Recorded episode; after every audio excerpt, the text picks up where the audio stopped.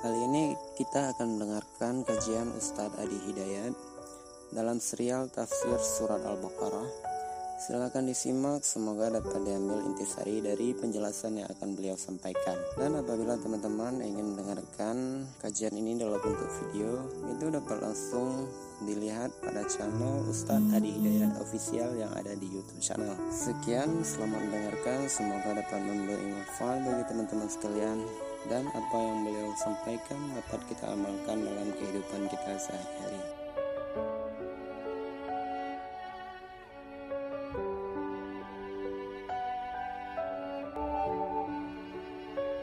Bismillahirrahmanirrahim. Assalamualaikum warahmatullahi wabarakatuh. Alhamdulillahi rabbil alamin wassalatu wassalamu ala rasulillahil karim وعلى آله وصحبه وذريته وأمته إلى يوم الدين وبعد.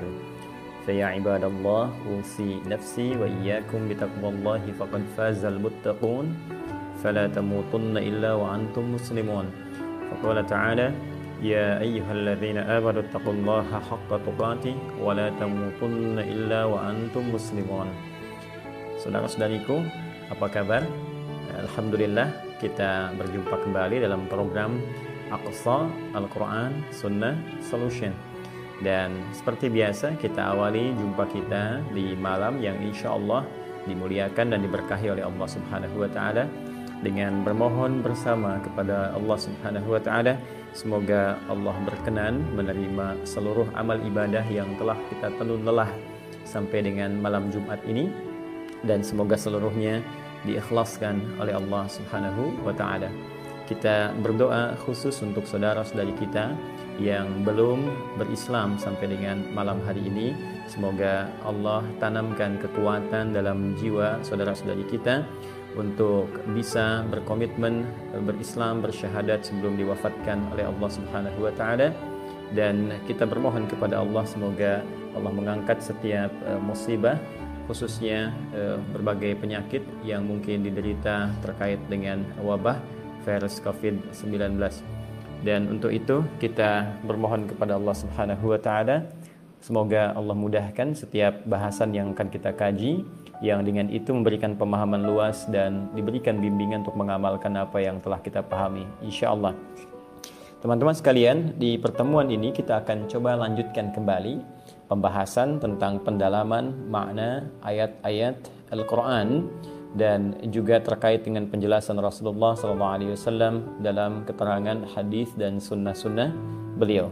Kita telah sampai di pertemuan lalu pada surah Al-Baqarah di ayat yang ketiga telah kita tuntaskan dan kini insya Allah kita akan masuki ayat yang keempat di surah Al-Baqarah. Sebelum kita bacakan ayatnya dan kita sambungkan dari pembahasan yang pertemuan lalu, saya coba mengingatkan dulu bahwa pembuka surah Al-Baqarah memberikan gambaran kepada kita tentang anugerah Allah Subhanahu wa taala yang sangat luar biasa yang khusus diberikan pada golongan orang-orang yang bertakwa. Di antara keistimewaan itu Allah akan berikan satu pedoman kehidupan yang disebut dengan hudan. Orang-orang takwa disebut dengan muttaqin. Maka di ayat kedua Allah khususkan pedoman kehidupan ini untuk memberikan anugerah spesial pada orang-orang takwa dengan kalimat hudalil muttaqin. Ketika orang-orang takwa memeroleh seluruh pedoman kehidupan ini dan dijalankan dalam hidupnya, maka Allah akan anugerahkan di antara bentuk hudan ini kemudahan dalam setiap aktivitas yang dijalani.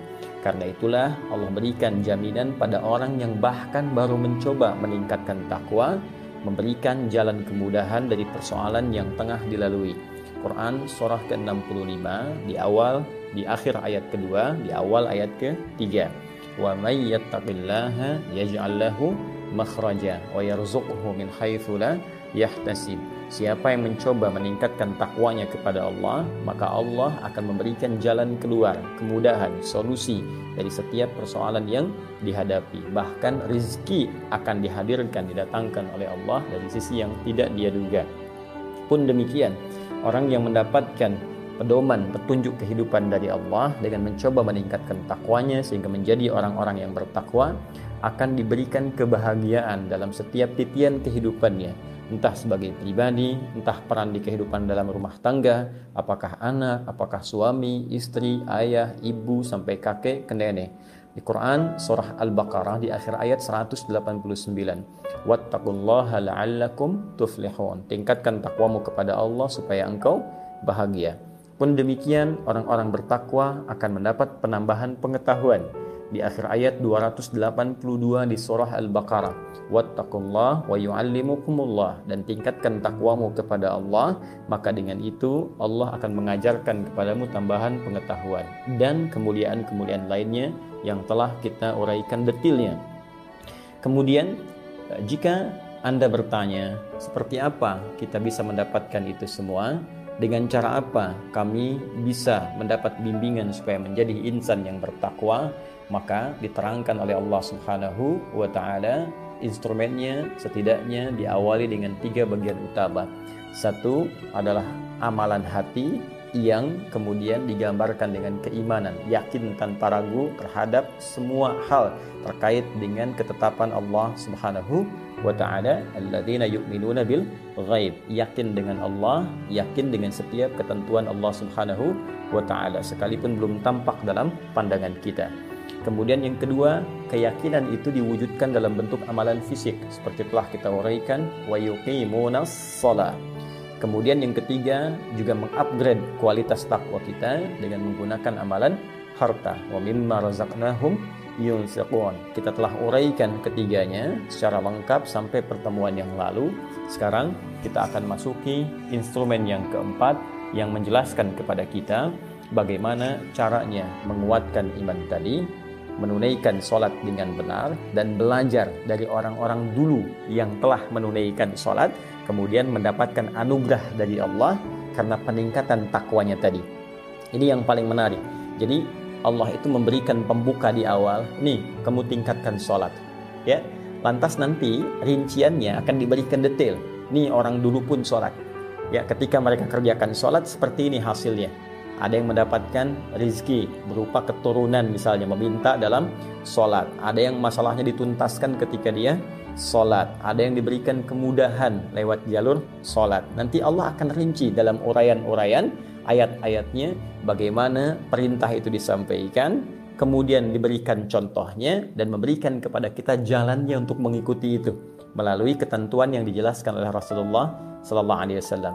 Pun demikian dengan amalan infak, ya rinciannya seperti apa, gambarannya bagaimana, seperti apa ditemukannya.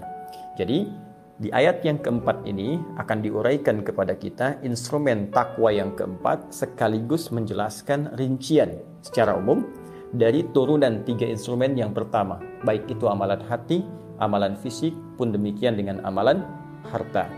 Kita baca kemudian ayat yang keempat, karena ini hukumnya akan diikutkan pada instrumen yang sebelumnya sebagai bagian dari ciri takwa, maka Allah buka ayat yang keempat ini dengan menggunakan huruf waw. Waw-nya ataf. Ataf itu adalah satu alat dalam kaidah gramatikal bahasa Arab yang berfungsi untuk mengikutkan hukum pada hukum sebelumnya yang berfungsi mengikutkan satu keterangan yang akan disampaikan diikutkan pada keterangan sebelumnya. Jadi kalau ayat yang ketiga menerangkan tentang instrumen takwa ya ketersambungan dengan Al-Baqarah yang keduanya hudal lil muttaqin siapa al-muttaqin yaitu alladzina yu'minuna bil ghaib wa yuqimuna shalah wa mimma razaqnahum yunfiqun siapa lagi wa pakai wa untuk mengikutkan dan yang berikut ini ya siapa yang berikut itu kita bacakan walladzina yu'minuna bima unzila ilaika wa ma unzila min qablik wabil akhirati hum yuqinun. Baik, kita coba tuliskan. Bismillah. Baik, sambil kita bergerak, kita mantapkan hati, niatkan ikhlas supaya Allah memudahkan apa yang kita pelajari. Insya Allah. Saya coba tuliskan dulu ya. Di sini ada instrumen ya takwa. Pertama, ada amalan hati kan amalan hati wujudnya adalah iman ya kepada Allah Subhanahu wa taala dan seluruh ketentuan yang Allah tetapkan sekalipun belum tampak dalam pandangan kita, belum terjangkau oleh hati kita. Jadi ingat ya, ingat rumusnya. Kalaupun belum terjangkau oleh akal, oleh nalar, iman dulu. Ya. Jadi bukan dipaksa iman mengikuti akal, bukan. Akal tundukkan oleh iman. Karena memang iman ini statusnya lebih tinggi dibandingkan dengan akal. Ya, awas. Ya, iman itu punya sisi yang luas, tiada batas. Akal karena termasuk komponen fisik tubuh kita, itu dia punya keterbatasan seperti sifat manusia yang punya batas. Contoh, ya. Akal itu kan bagian dari wujud fisik, instrumen fisik, seperti halnya telinga, seperti halnya mata. Baik, bukankah mata kita saat memandang punya batasan? Yang dekat terlihat besar, semakin menjauh semakin kecil, semakin jauh lagi semakin tak kelihatan. Ditutup tak nampak sama sekali. Ya, Adi Hidayat tertutup oleh papan tulis, maka tidak akan nampak dalam pandangan kan? Baik, sosoknya. Pun demikian, telinga kita jika terdengar bunyinya ya terpantul ke telinga kita terdengar dekat dengan kita kencang semakin jauh semakin kecil suaranya semakin jauh lagi semakin tak terdengar punya batasan jadi kalau mata saja punya batasan telinga pendengaran punya batasan, lantas kenapa pikiran kita gak pingin punya batas? Jelas ya? Jadi kalau misalnya, mohon maaf, mata harus ada batasan, telinga punya batasan, kenapa akal kita tidak ingin punya batas? Jelas? Jadi ketika akal tak mampu menjangkau sesuatu, jelas bukan karena nggak logis, karena keterbatasan. Saking logisnya, belum sampai kepada akal kita. Karena itu tundukkan dulu akal, ikutkan kepada iman, nanti dengan iman akan dibimbing akal untuk memahami apa yang belum terlogikakan itu. Apa yang belum terpahami oleh pikiran itu. Jelas ya? Baik, begitu caranya. E, saya ilustrasikan seperti ini. Ada sinar mentari kan. Siang itu kan terik sekali, panas gitu. Nah, sinarnya kelihatan nggak? Nggak kelihatan langsung kan oleh mata. Ya ingat, yang kita lihat itu benda karena pantulan sinar. Sinarnya nggak kelihatan Ya, apakah dengan tidak kelihatan itu sinarnya tidak ada? Tidak. Saking jelasnya sinar, tak nampak dalam mata. Kita membutuhkan pantulan untuk mengetahui adanya sinar. Ya, tapi kan kita yakin. Nah, itulah iman. Jadi kadang-kadang sesuatu yang belum tampak logis bukan berarti tidak logis. Jelas ya? Tapi boleh jadi keterbatasan akal itu yang menuntut kita mengimani dulu baru akal ikut. Paham? Ya, teruskan. Dua, untuk melatih amalan hati ini dalam wujud peningkatan iman kepada Allah dan segala ketentuannya nanti ada amalan yang sifatnya fisikal amalan fisik wujudnya salat ya wa yuqimuna salat karena itu salat menjadi ukuran keimanan seseorang. Semakin semangat salatnya semakin menunjukkan imannya kuat. Jelas? Maaf semakin tidak semangat sholat malas sholatnya semakin menunjukkan imannya lemah. Ini penting. Jadi kalau ingin mengukur parameter iman lihat salah satunya di amalan fisik. Itu standar sekali karena itu keadaan kita dalam menunaikan sholat akan sangat terkait dengan kekuatan iman yang dampaknya pada keadaan hati Ya, hati ini kan sumber dorongan pada sifat-sifat baik buruk ataupun baik Dorongan pada kebaikan disebut takwa, dorongan keburukan disebut fujur namanya. Jelas? Ya, sumber utamanya nafsu, dorongannya disebut fujur. Karena itu di Quran surah ke-12 ayat ke-53 Allah menyebutkan wa ma ubarri'u nafsi innan nafsa la'ammaratum bisu. Sungguh nafsu itu la'ammarah memerintahkan bisu kepada keburukan. Saat nafsu ya dari hati yang bagian buruk ini memerintahkan kepada yang buruk, ya amarah bisu maka rambatannya disebut fujur jadi kalau mengalir ke mata nah itu rambatannya disebut fujur ya Quran surah ke-91 Asy-Syams ayat 7 sampai 10 wa nafsi wa ma sawaha fa alhamaha fujur ya fujur hawa takwaha jadi rambatannya disebut dengan fujur begitu masuk ke mata melotot nah itu su namanya ya masuk ke lisan lisan meracau itu su namanya masuk ke tangan, tangan tanpa kontrol memukul, su namanya. Jamaknya sayyiat. Ya, kalau kita ingin bertobat, tarik lagi, kembalikan. Ya, taba. Quran surah keempat An-Nisa ayat 17. innamat taubatu 'ala Allahi lil ladzina ya'maluna su'a bijahalatin thumma yatubuna min qarib. Jamaknya disebut dengan sayyiat. Nah, sebaliknya, dorongan pada kebaikan itu jiwa takwa. Jadi kalau nafsu mengarahkan kepada lawan yang negatif tidak baik, takwa mengarahkan pada yang positif. Di sini ada jujur, di sini ada dusta. Sekalipun orang berkata tidak ada dusta di antara kita, tetap potensi dustanya akan ada. Jelas? Di sini misalnya ada tawadhu, di sini ada sombong. Ini saling memengaruhi. Nah, ini karena ada dalam hati, ini harus dilatih bagaimana yang positif takwa menundukkan yang negatif, yang fujur. Sehingga nanti berubah fungsi yang fujur ini alih-alih mengajak kepada keburukan menjadi katalis supaya yang baiknya muncul. Jadi memahaminya Allah tidak menciptakan sifat buruk ini misalnya bohong bukan menjadikan kita supaya jadi pembohong bukan. Nanti fungsinya akan berlatih supaya melatih yang jujur ini muncul. Ya, sombong diciptakan untuk melatih yang rendah hatinya muncul. Jadi otomatis begitu kita takwanya cepat naik, maka semua yang buruk-buruk yang terlihat itu akan menjadi katalis supaya yang baik itu terus naik. Ya, melihat satu keburukan, oh berarti saya nggak boleh begini. Nah itu yang terbaca jiwa takwanya unggul. Bagaimana melatih amalan ya supaya keadaan yang di hati ini cepat naik yang positifnya, yang negatifnya turun. Salah satunya dengan sholat. Ini amalan utamanya, amalan fisik. Jadi perhatikan kaitannya. Dengan menunaikan amalan fisik, ini menunjukkan bahwa parameter iman itu diukur. Semakin semangat, semakin kuat. Semakin menurun, semakin lemah. Kalau ini kuat, maka dampaknya kepada keadaan hati akan bersih. Karena bersih ini, maka yang terdorong nilai kebaikannya. Itu yang disebutkan isyaratnya di Quran surah ke-29 ayat ke-45. Utlu ma uhya ilaika minal kitab wa aqimis sholat baca, pelajari, pahami apa yang diwahyukan kepadamu Muhammad SAW ya dari ketentuan-ketentuan dalam kitab Allah. Setelah paham wa aqimis sholat tunaikan amalan sholat. Jadi pelajari dulu bacaan sholat pelajari gerakan sholat pelajari hikmahnya sehingga anda khusyuk menunaikannya. Kalau sudah bisa demikian inna sholata tanha anil fahsya iwal munkar. Sungguh, jika Anda menunaikan sholat dengan benar, sholat itu akan mencegah dari potensi perbuatan keji dan mungkar keji dan mungkar diwakili oleh nafsu. Nafsu tadi ada dari bagian salah satu hati yang pancarannya disebut dengan fujur.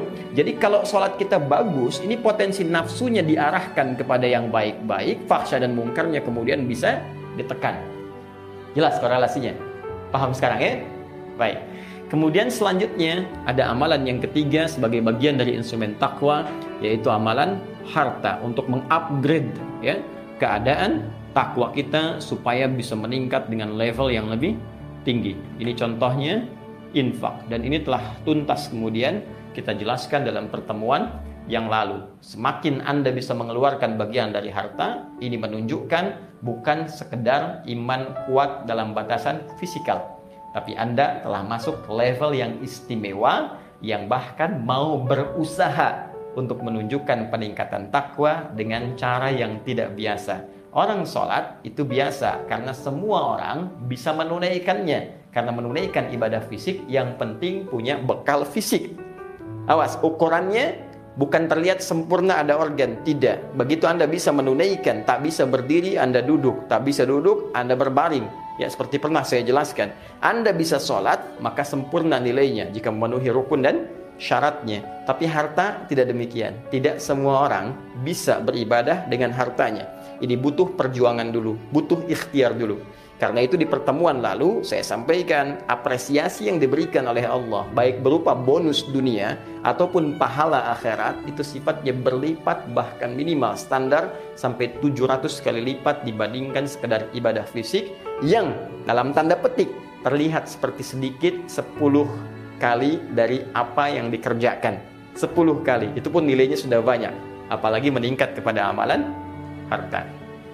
Kemudian, nah ini yang kita bahas. Yang keempat, ini yang paling menarik sekaligus unik. Disebut menarik karena ini menjadi instrumen takwa yang keempat yang levelnya lebih tinggi dibandingkan satu, dua, dan tiga. Dan saat yang bersamaan, jika Anda bisa mendalami bagian yang keempat ini, sekaligus di situ ada penjelasan bagaimana memaksimalkan amalan satu, amalan dua, plus amalan tiga. Ini yang paling luar biasa. Ya, karena itu levelnya ditempatkan lebih daripada satu, yang dua dan tiga. Kenapa? Karena amalan yang keempat ini, yang pertama, teman-teman sekalian, fokus baik-baik, ini bisa memberikan jalan keterangan detil dari amalan satu, dua, dan tiga.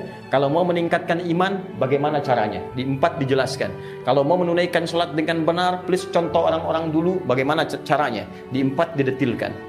Pun demikian bagaimana kalau saya ingin bukan sekedar infak, cara mendapat infaknya, cara berikhtiarnya, cara kemudian mempercepatnya, cara mengeluarkannya, ada di yang keempat. Jadi kalau Anda bisa mengerjakan amalan yang keempat secara otomatis, kalau benar mengamalkan yang keempat ini, satu, dua, tiga, semua akan ikut secara otomatis jika diikhtiarkan seluruhnya. Apa amalan yang keempat? Instrumennya, wa, diikutkan. Walladzina yu'minuna bima unzila ilaih. Ya, saya hapus dulu. Walladzina Bismillah. والذين يؤمنون nah ini bima unzila ilaik unzila ilaik والذين يؤمنون بما أنزل إليك وما أنزل من قبلك وبالآخرة هم yuqinun. Saya cukupkan sampai di sini dulu untuk bisa mempermudah pembahasan. Kemudian kita teruskan kepada bagian ayat yang lainnya ya sebagai ketersambungannya. Perhatikan pelan-pelan. Instrumen yang keempat, bagian pertama untuk memudahkan bahasan. Walladzina yu'minuna bima unzila ilaik dan termasuk instrumen takwa. Ingat ya cara menerangkannya dan termasuk instrumen takwa wawunya wawu ataf harfu atfin ya ya huruf uh, wawu ataf ya mabniun alal fathah la mahalla lahu i'rab mabni alamatnya tetap dalam keadaan fathah ya kemudian tidak punya tempat dalam perubahan ya maksudnya la mahalla lahu minal i'rab dia tidak bisa berubah tidak bisa wi tidak bisa wu tetap wa ya. Sampai kiamat kurang dua hari kurang sehari sampai kiamat sampai pulang kita kepada Allah tetap wa ya. Harokatnya tetap fathah tidak akan berubah jadi wu tidak akan berubah jadi wi ya tetap wa. Jelas ya? Baik.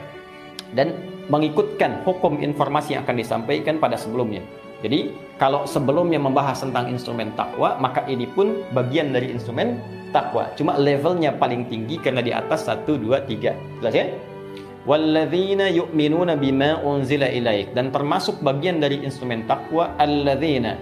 Ya Allah buka kepada semua kalangan orang-orang yang ingat? Alladzina disebutkan 1080 kali dalam Al-Qur'an isim mausul ya mabni alal fathah terbuka untuk semua kalangan laki-laki perempuan tua muda besar kecil tak peduli status sosial artinya golongan keempat ini pun Allah buka tanpa batasan Seakan Allah ingin menyampaikan, hei, jangan pernah Anda menilai untuk menjadi orang takwa itu mesti mengangkat status sosial keduniaan dulu. Tidak.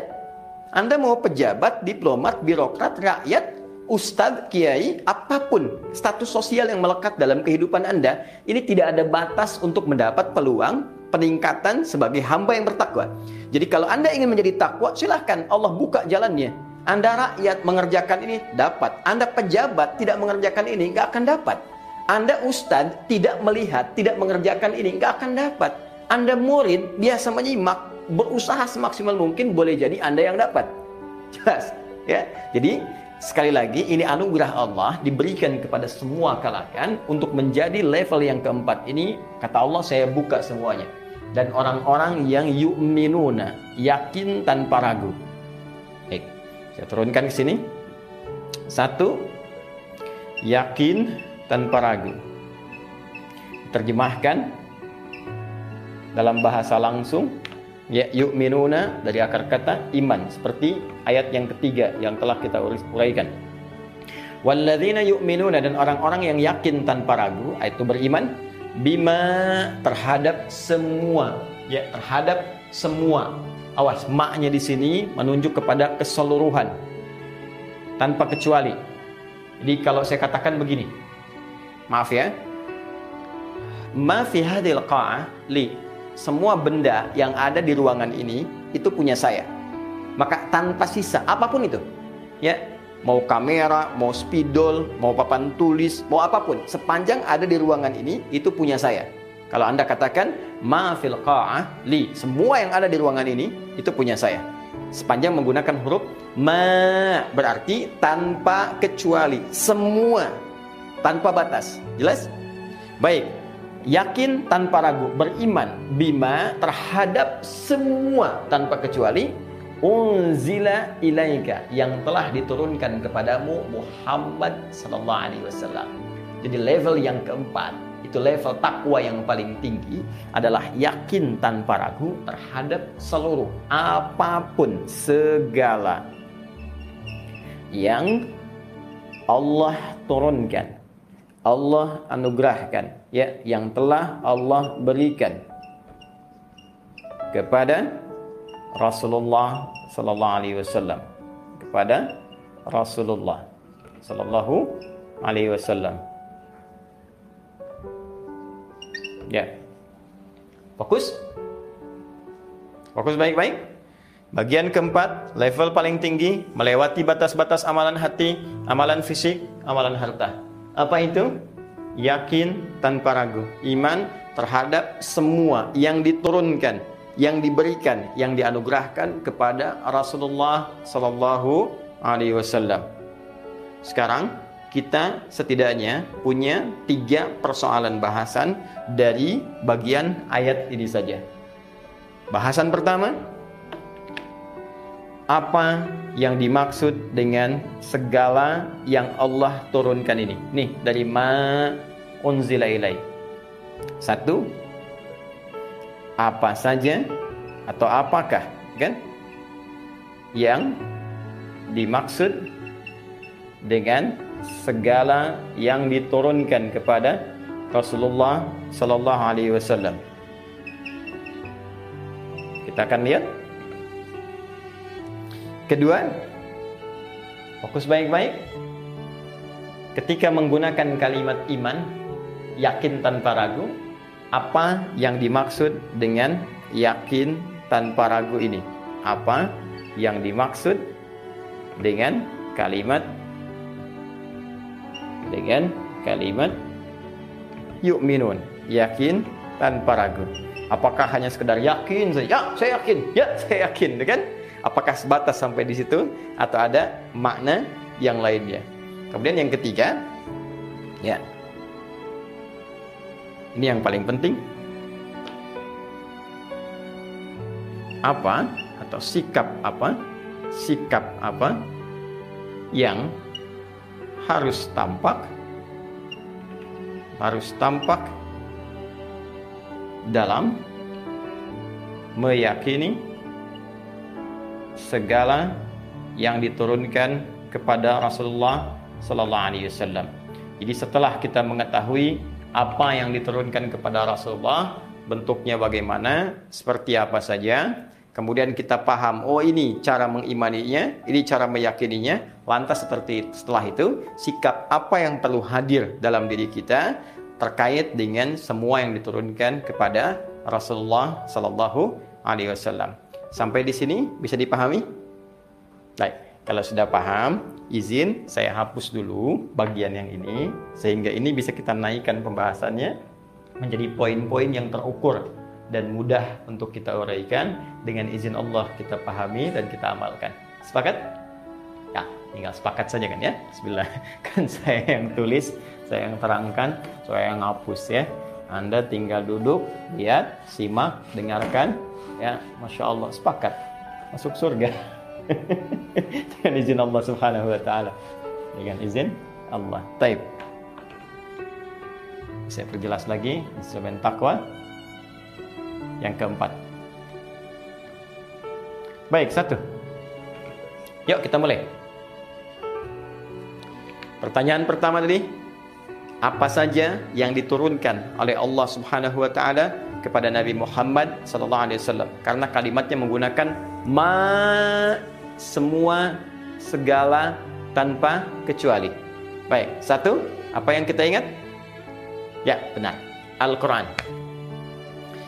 Al-Quran sebagai wahyu yang Allah turunkan langsung kepada Rasulullah Sallallahu Alaihi Wasallam. Baik. Selain itu apa? Hah? Baik, dua sunnah atau hadis, ya. Sunnah atau hadis. Dalilnya masih ingat di surah An-Najm? Wa ma yantiqu 'anil hawa in huwa illa wahyu yuha. Dan tidaklah Nabi mengucapkan sesuatu berasal dari keinginan beliau, tapi semua yang disampaikan dibimbing wahyu oleh Allah Subhanahu wa taala. Nah, sudah tiba azan maghrib. Bagaimana cara memahami keduanya atau ada yang lainnya? Baik, kita akan nanti lanjutkan setelah menunaikan sholat isya berjamaah. Ya, sudah tiba azan isya maghrib yang tadi. Baik ya, teman-teman yang bergabung baru bersama kita saat ini, kita jeda sebentar. Ya mendengarkan suara adzan. Allahu akbar Allahu akbar. Kemudian tunaikan salat isya. Setelah itu kita lanjutkan kembali bahasan kita.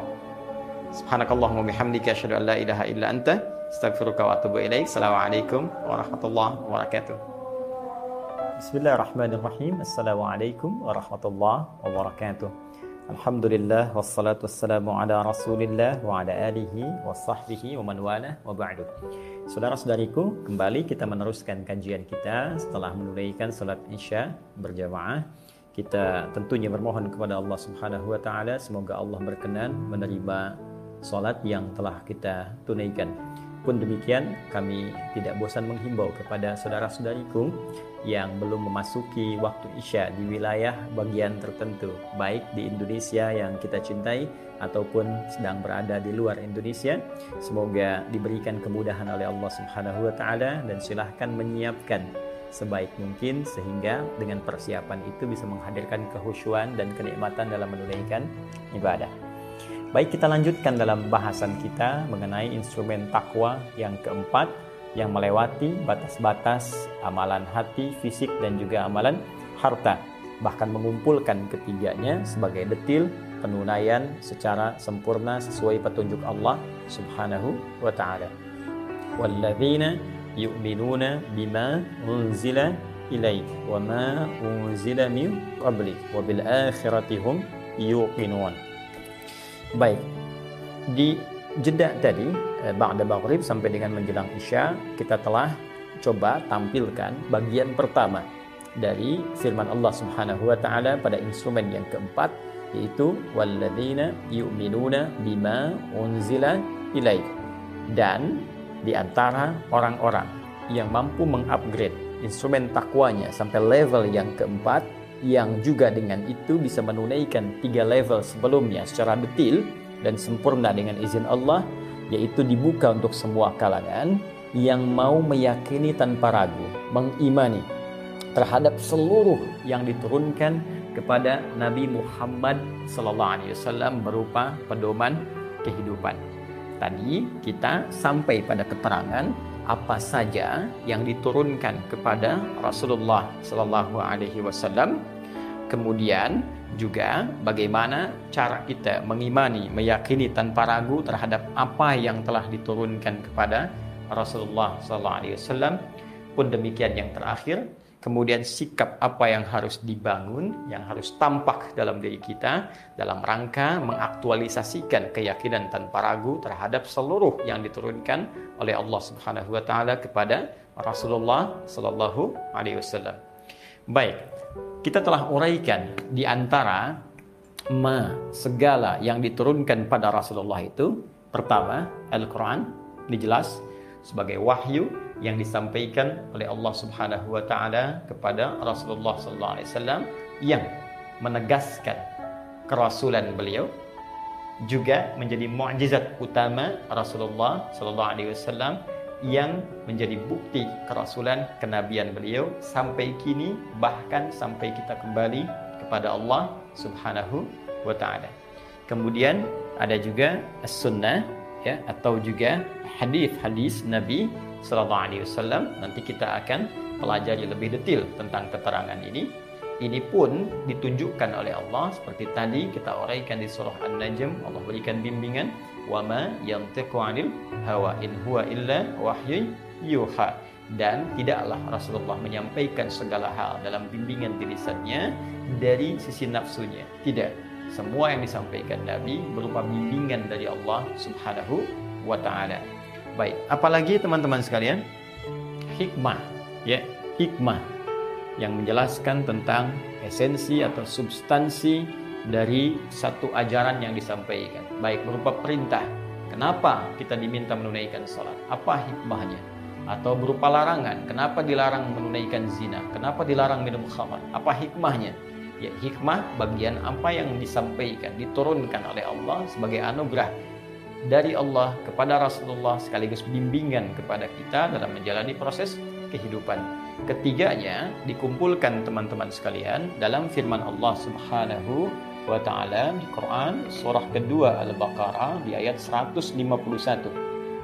Ya. Kama arsalna fiikum rasulan minkum yatlu alaikum ayatina sebagaimana kami telah utus seorang rasul dari kalangan kalian yang akan membacakan kepada kalian, mengajarkan, memahamkan kepada kalian ayat-ayat kami. Kumpulan ayat-ayat itu menjadi surah, kumpulan surah-surah itu menjadi Al-Quran. Karena itu Al-Quran terdiri dari 114 surah. Setiap surahnya terdiri dari ayat. Al-Baqarah 286 ayat. Ali Imran 200 ayat. An-Nisa 176 ayat. Jadi Allah langsung memberikan sebuah penegasan dengan kalimat yang sangat singkat dan padat. Yatslu alaikum ayatida. Ya, akan menyampaikan, mengajarkan pada kalian memahamkan ayat-ayat kami. Al-Qur'an maksudnya, wahyu. Ya, wa yuzakkikum dan membimbing kalian untuk membersihkan sifat-sifat buruk kalian. Ada akhlak, ada moral, ada tuntunan, bimbingan moral. Saya sebetulnya tuliskan hikmah karena nanti di antara turunan hikmah itu juga nanti ada akhlak, ada moral. Ya, hanya nanti Al-Qur'an memberikan detil rincian, detil rincian sehingga nanti bisa dikualifikasikan dan dispesifikasikan jenis-jenis hikmah ini. Apakah nanti jenisnya ke pengetahuan ataukah jenisnya ke esensi sesuatu atau nanti ke bimbingan moral. Kemudian wa yuzakkikum wa yuallimukumul kitabah dan mengajarkan kepada kalian tentang kandungan Alkitab. Pengajaran Nabi disebut dengan sunnah. Terkumpul dalam hadis-hadis beliau sallallahu alaihi wasallam. Ya. Wal hikmah. Ada hikmah masuk. Wa yuallimukum ma lam takunu ta'lamun. Dan mengajarkan aneka pengetahuan yang belum kalian ketahui, informasi yang belum kalian dapatkan. Ya, tiba-tiba di masa Nabi sallallahu alaihi wasallam turun ya. Alif Lam Mim. Ghulibatir Rom Romawi akan dikalahkan. Orang bingung di mana imperium sebesar itu ya. Ada berita akan kalah gitu. Tiba-tiba betul ya. Selang berapa lama Romawi kemudian dikalahkan ya. Baik demikian pula dengan informasi lain. Bagaimana ada ayat tentang kondisi janin ya berkembang akan begini, akan begini, akan begini. Quran-Quran surah ke-25 misalnya Al-Hajj ayat yang kelima menerangkan tentang kondisi manusia dari mulai tercipta dalam kandungan berproses sampai kembali kepada Arzalil Omori dalam suasana pikunnya dan seterusnya. Dari mana orang tahu? Apalagi beliau tinggal di wilayah yang belum ada peradaban. Ya masyarakat jahiliyah pada masa itu terisolasi, akses informasi terbatas. Kok bisa menyampaikan sesuatu yang belum diketahui? Lebih dalam lagi, lebih jauh visinya lagi tentang pengetahuan gaib, tentang alam kubur, tentang hari kiamat, tentang berbangkit, tentang surga, tentang neraka itu yang belum kita ketahui. Jadi ini kalau kita turunkan selanjutnya adalah pengetahuan, aneka pengetahuan yang disampaikan. Ya. Saya rangkum ini tadi karena puncak pengetahuannya itu nanti hikmah, wa mayyu'tal hikmata faqad utiya khairan katsira. Demikian juga akhlak bagian dari hikmah ya jadi disampaikan hikmahnya secara umum, kemudian dirinci menjadi bagian-bagian penting yang harus kita ketahui. Baik, fokus baik-baik. Ini secara singkat, umumnya, saya katakan umum, ini yang menjadi tafsir utama dari kata ma. Yakin, beriman, tanpa ragu terhadap seluruh apa yang diturunkan, diberikan kepada Rasulullah Sallallahu Alaihi Wasallam. Kita bertanya apa saja ya Allah? Kata Allah nih Al-Quran Isinya ayat-ayat Allah, bimbingan, pedoman kehidupan. Baik, ada sunnah, keterangan dari semua isi Al-Quran, hikmah, ajaran, baik berupa akhlak ataupun pengetahuan. Jelas sampai sini? Nah, di sini nanti kita akan temukan kaitan teman-teman sekalian dengan tiga instrumen sebelumnya. Ya, amalan hati, ada amalan fisik, amalan harta. Di Al-Quran kita akan temukan detailnya. Ya, Anda ketika bertanya amalan hati meningkatkan iman. Yuk minun, yuk minun kan mudhari. Ya, present, continuous, future. Bukan setelah beriman saja, tapi keimanan kita sekarang update terus-menerus sampai kapan pun. Bagaimana caranya? Nanti di Al-Quran diberikan tuntunan detailnya. Cara meningkatkan iman itu seperti ini. Ada amalan-amalan begini, begini, begini. Detil dari penjelasan bimbingan Al-Quran tadi akan disampaikan oleh As-Sunnah dalam keterangan hadis-hadis Nabi Sallallahu Alaihi Wasallam. Jadi kalau misal saya beri contoh misalnya di Al-Quran, nih cara meningkatkan iman. Ada ayat-ayat dibuka dengan kalimat iman. Ya ayuhalladzina amanu, ya ayuhalladzina amanu, la ayuhalladzina amanu. Ada sifatnya perintah, ada sifatnya larangan. Ya ayuhalladzina amanu, kutiba alaikumusiyam. Sifatnya ibadah, tunaikan puasa. Ada lagi yang sifatnya moral, akhlak. Ya ayuhalladzina amanu, aufu bil uqud, tepati janji. Ya ayuhalladzina amanu, la yasraqu min qaum. Jangan saling mencela. Akhlak kan? layak taba'dukum ba'da. Jangan saling bergibah, bergosip, akhlak kan? Ya, di sifatnya ada semua. Ya, pengetahuan ada, ya, dalam rangka peningkatan moral ada, mengerjakan perintah ada, meninggalkan larangan ada, terkumpul semua. Nah, lalu nanti bagaimana penjelasan eksekusinya? Nabi berikan petunjuk. Nah, ini bahayanya sifat iri hati, ini bahayanya saling mencela, ini bahayanya bergibah. Orang bergibah seperti memakan bangkai saudaranya sendiri. Ini turunan-turunannya.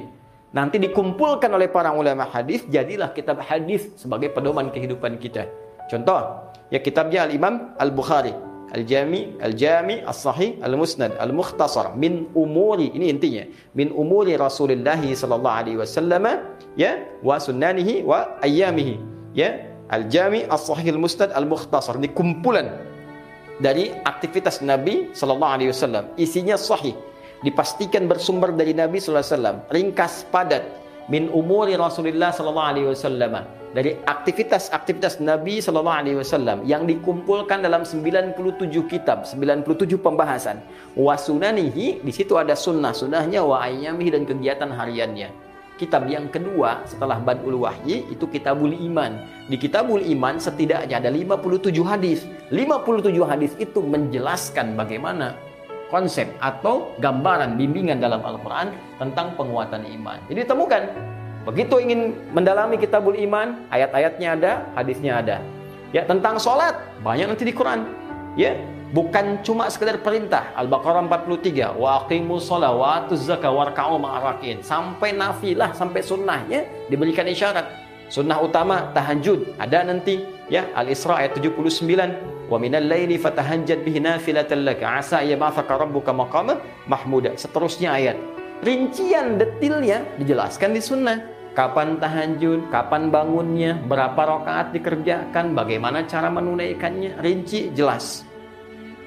Bahkan tentang sholat fardu disebutkan waktunya ada ditetapkan. An-Nisa misalnya di penghujung ayat 103 minta dijaga Al-Baqarah ayat ke 23 8 ditunaikan isyarat sempurnanya lima waktu. Al-Isra ayat ke 78 ditegaskan di Quran surah ke 11 ya. Ayat ke berapa? 114 nanti detailnya di hadis Nabi bahkan diterangkan dari mulai niat bahkan wudhu sebelumnya. Dari wudhu menghadap kiblat sampai ditentukan bagaimana menentukan arahnya sampai dari takbir sampai dengan salam. Ya. Jadi inilah keindahan dalam Islam. Ya saya, saya sering katakan begini.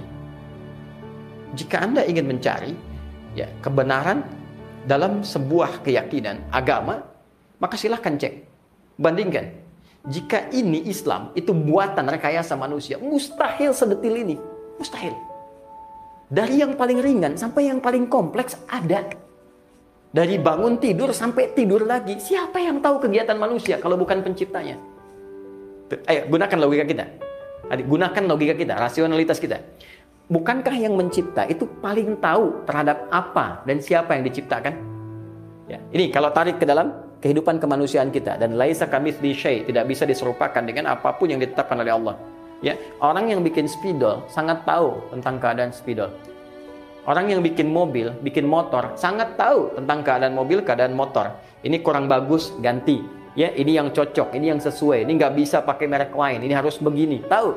Sekarang kita manusia, pasti ada penciptanya. Kalau ingin tahu siapa pencipta kita, sederhana, cari tahu siapa yang paling tahu tentang kita. Silakan, cari tahu. Siapa yang paling tahu tentang fisik kita, tentang akal kita, tentang roh, ya, tentang aktivitas kita. Kalau kita telah temukan itu, itulah Tuhan yang sesungguhnya. Karena mustahil ada pencipta nggak tahu ciptaannya. Nah, sekarang Anda tanya dari mana kita menemukan referensi itu? Cari dari semua kitab yang dianggap suci, bandingkan mana kitab-kitab yang menerangkan keterangan secara sempurna. Karena itu ketika Al-Quran disampaikan oleh Allah kepada Rasulullah, sifat awalnya berupa tantangan untuk memastikan originalitas Al-Quran, validitas Al-Quran. Jika Anda merasa Al-Quran buatan manusia, kata Allah, silahkan buat semisal Al-Quran. Bisa nggak? Jadi Al-Quran itu indah. Ketika diturunkan pertama kali sudah memberikan tantangan. Kalau anda yakin ya bahwa Al-Quran ini bukan firman Allah, anda merasa buatan manusia, kata Allah silahkan buat yang semisalnya. Bahkan ajak sekutu anda dari jin dari siapa bikin semisal itu mustahil. Yang paling pakar saja di bidang sastra orang jahiliyah Arab pada saat itu pakar bidang sastra. Nggak bisa buat apalagi anda orang sekarang yang bahasa Arab saja belum tentu sepasti orang-orang dulu. Abu Jahal se Abu Jahal Abu Jahalnya dia Abu Jahal se Abu Jahal Abu Jahalnya fasih bahasa Arabnya tapi nggak bisa nyaingin Al-Quran. Sekarang abu-abu yang sekarang misalnya atau yang umum-umum saat ini bahasa Arab gak lancar bahkan ada yang nggak bisa sama sekali kemudian meragukan Quran kan jadi nggak masuk akal jelas ya nah, jadi sederhana metodologi Al-Quran cek dulu validitasnya silahkan kemudian silahkan anda pelajari anda akan temukan. Jadi ini ilmiah, argumentasi yang sangat ilmiah. Nah, ini yang ingin saya tegaskan bahwa indah sekali. Dalam Islam itu lengkap. Ya, tapi juga keindahannya tidak memaksakan. Bagi yang belum berislam, ingin belajar, silahkan. Tapi demi Allah, tidak pernah Anda dipaksa untuk memeluk Islam. La ikraha fiddin. Ya, asal Anda yakin, silahkan pikirkan, silahkan renungkan. Mau berislam, Alhamdulillah. Tidak, itu pilihan Anda dan semua akan menanggung resiko ketika kembali kepada penciptanya. Makanya sekarang kenali pencipta kita dan kenali jalan kehidupan kita. Jelas? Baik ya? Nah, ini kita kumpulkan. Nah, pembahasan semacam ini ini penting. Pertama, secara internal ini untuk membangun kekuatan keyakinan kita. Masa selama berislam nggak pernah tahu tentang ajarannya, nggak yakin tentang Tuhannya, bagaimana kita bisa yakin dengan Allah kalau nggak belajar ilmunya?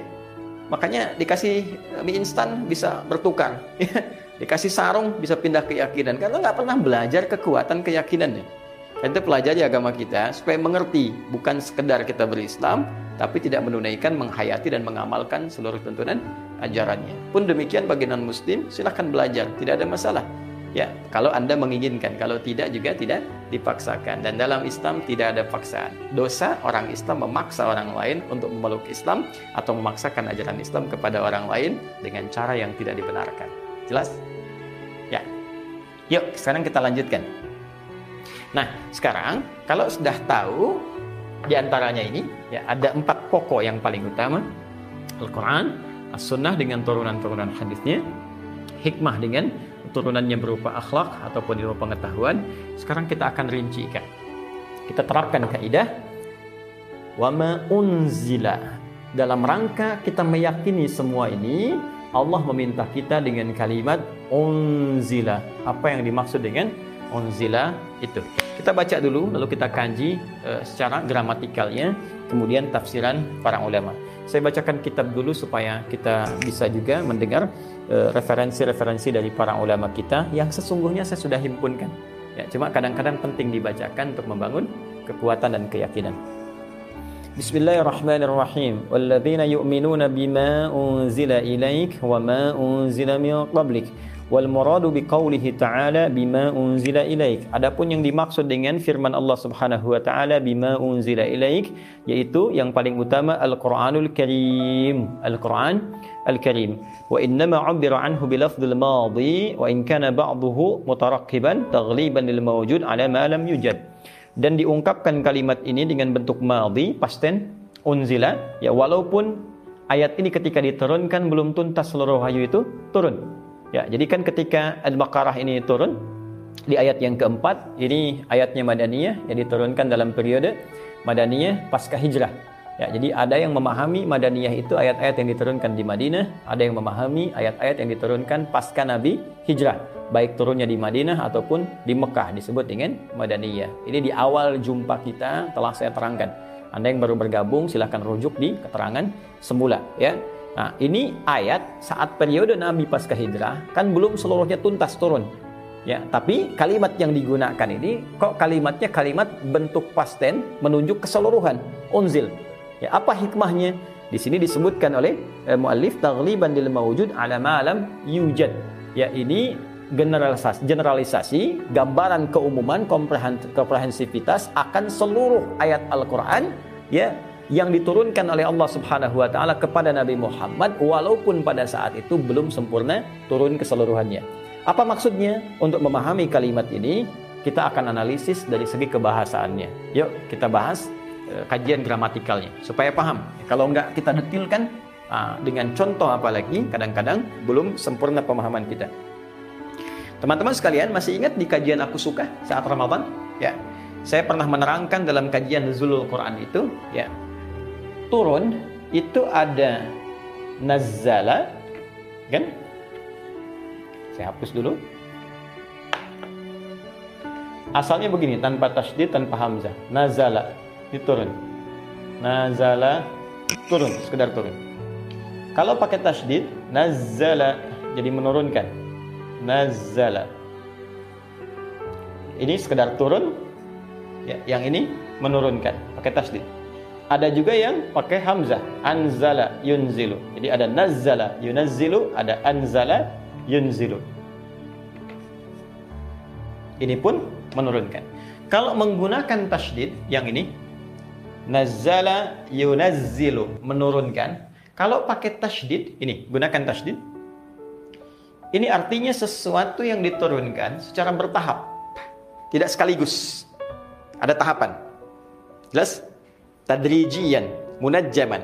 Ya, sebagian, sebagian, sebagian sempurna.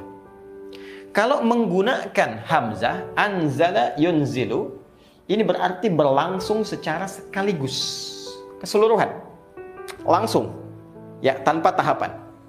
Baik, kalimat ini keduanya terkumpul dalam firman Allah Subhanahu wa taala misal di surah Ali Imran di ayat yang ketiga.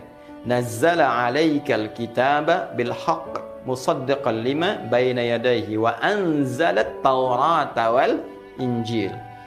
Al-Quran disifati oleh Allah turunnya kepada Nabi Muhammad ya. Karena itu kalimat yang menggunakan nazzala alaikal kitab Allah turunkan kepadamu Muhammad sallallahu alaihi wasallam Alkitab Al-Quran maksudnya di sini yang tersusun dengan rapi sempurna tidak ada cacatnya menggunakan nazzala. Karena sifat turunnya ketika turun kepada Nabi Muhammad secara langsung ya periodenya tidak diturunkan sekaligus tapi periodenya berkembang sampai kurang lebih hampir 23 tahun sesuai dengan tuntutan kebutuhan masyarakat berbasis kebutuhan masyarakat.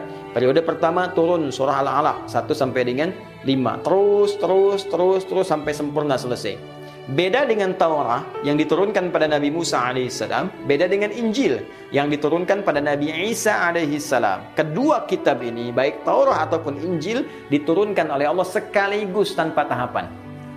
Dan teman-teman, Musa turun 10 perintah Allah di Bukit Tursina, ya kan? diturunkan. Sudah semua disampaikan. Tuntas selesai ajarannya sampai di situ. Disampaikan kepada umat karena umatnya terbatas pada saat itu. Pun demikian dengan Nabi Isa alaihissalam diturunkan Injil sekaligus tidak ada tahapan. Sampaikan kepada umatmu. Ini kerjakan ini, kerjakan sholat, tinggalkan Nabi Isa sholat.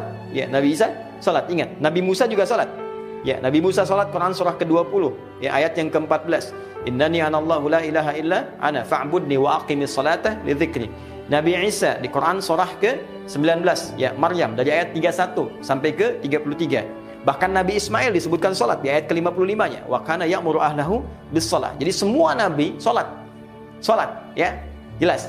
Baik, sama ini tinggalkan zina, lakukan khitan, ya jauhi khamar, jauhi ini, jangan makan ini, ada semua. Baik, diturunkan sekaligus Nabi Muhammad dengan periodisasi. Karena itu kalimatnya ketika menyebutkan kepada Taurat dan Injil menggunakan anzala, ketika menyebutkan Al-Qur'an menggunakan nazzala. Jelas? Nah, tapi yang paling menarik, Al-Qur'an pun punya sifat keterangan menggunakan diksi anzala ketika periode diturunkan sebelum sampai ke Nabi Muhammad yaitu dari lauh mahfuz yang menginfokan kepada seluruh penghuni langit ya penghuni langit diinfokan oleh Allah saking dahsyatnya, saking luar biasanya, istimewanya Al-Quran karena berisi semua pedoman tentang kehidupan manusia sampai dengan terjadi kiamat. Tuntas selesai, kembali kepada Allah. Semua pedoman diturunkan oleh Allah sampai kehidupan berakhir. Diinfokan kepada malaikat saking dahsyatnya. Kalau kitabnya Musa, zaman Musa saja. Kitabnya Isa, zaman Isa saja. Surat Ibrahim, zaman Ibrahim saja. Kitabnya Nabi Muhammad spesial sampai akhir kehidupan. Karena itu semua penghuni langit penting mengetahuinya. Maka diturunkan dari lawah mahfud ke sama'id dunia. Ke langit dunia. Proses turunnya ke langit dunia itu disampaikan sekaligus informasinya. Sehingga seluruh penghuni langit mengetahui tentang keutamaan Al-Quran. Ya, dan seluruh hal yang terkait dengan kehidupan manusia. Kadarnya. Karena itulah malam itu ketika turun itu disebut dengan malam Al-Qadar. Kalimatnya menggunakan anzala. Inna anzala. Anzalna. Nah, menggunakan ta'zimu nafsi, ta'zimu sya'ni. Ya, keagungan Allah dan keagungan informasi yang disampaikan. Ya, seakan Allah ingin menyampaikan demi keagunganku. Aku sampaikan informasi yang begitu agung tentang turunnya satu kitab petunjuk yang menentukan kadar manusia di malam itu. Inna anzalnahu fi Lailatul Qadar. Jadi ketika disebutkan menggunakan kalimat anzala yang dimaksudkan turunnya Al-Qur'an ya dari Lauh Mahfud ke Baitul Izzah ke Sama'id Dunya di langit dunia sebagai informasi keagungan Al-Qur'an sebelum diturunkan seluruhnya kepada Nabi Muhammad sallallahu alaihi wasallam.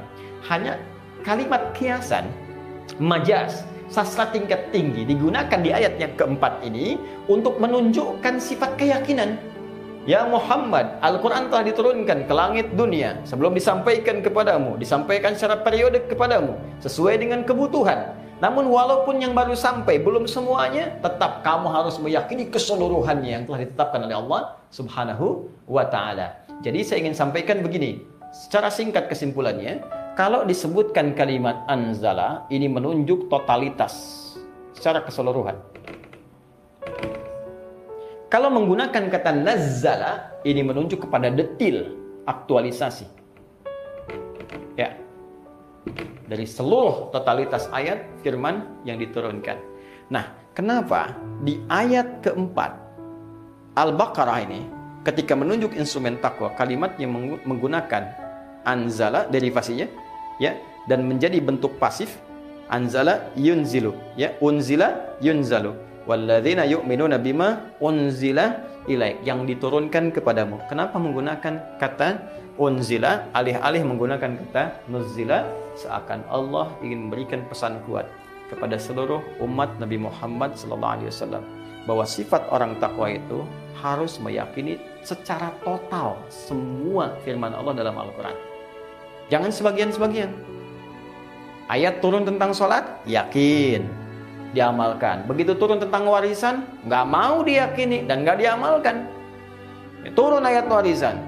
Laki-laki dengan perempuan, bandingannya dua banding satu, nggak bisa. Ini haknya sama, demi keadilan, demi persamaan.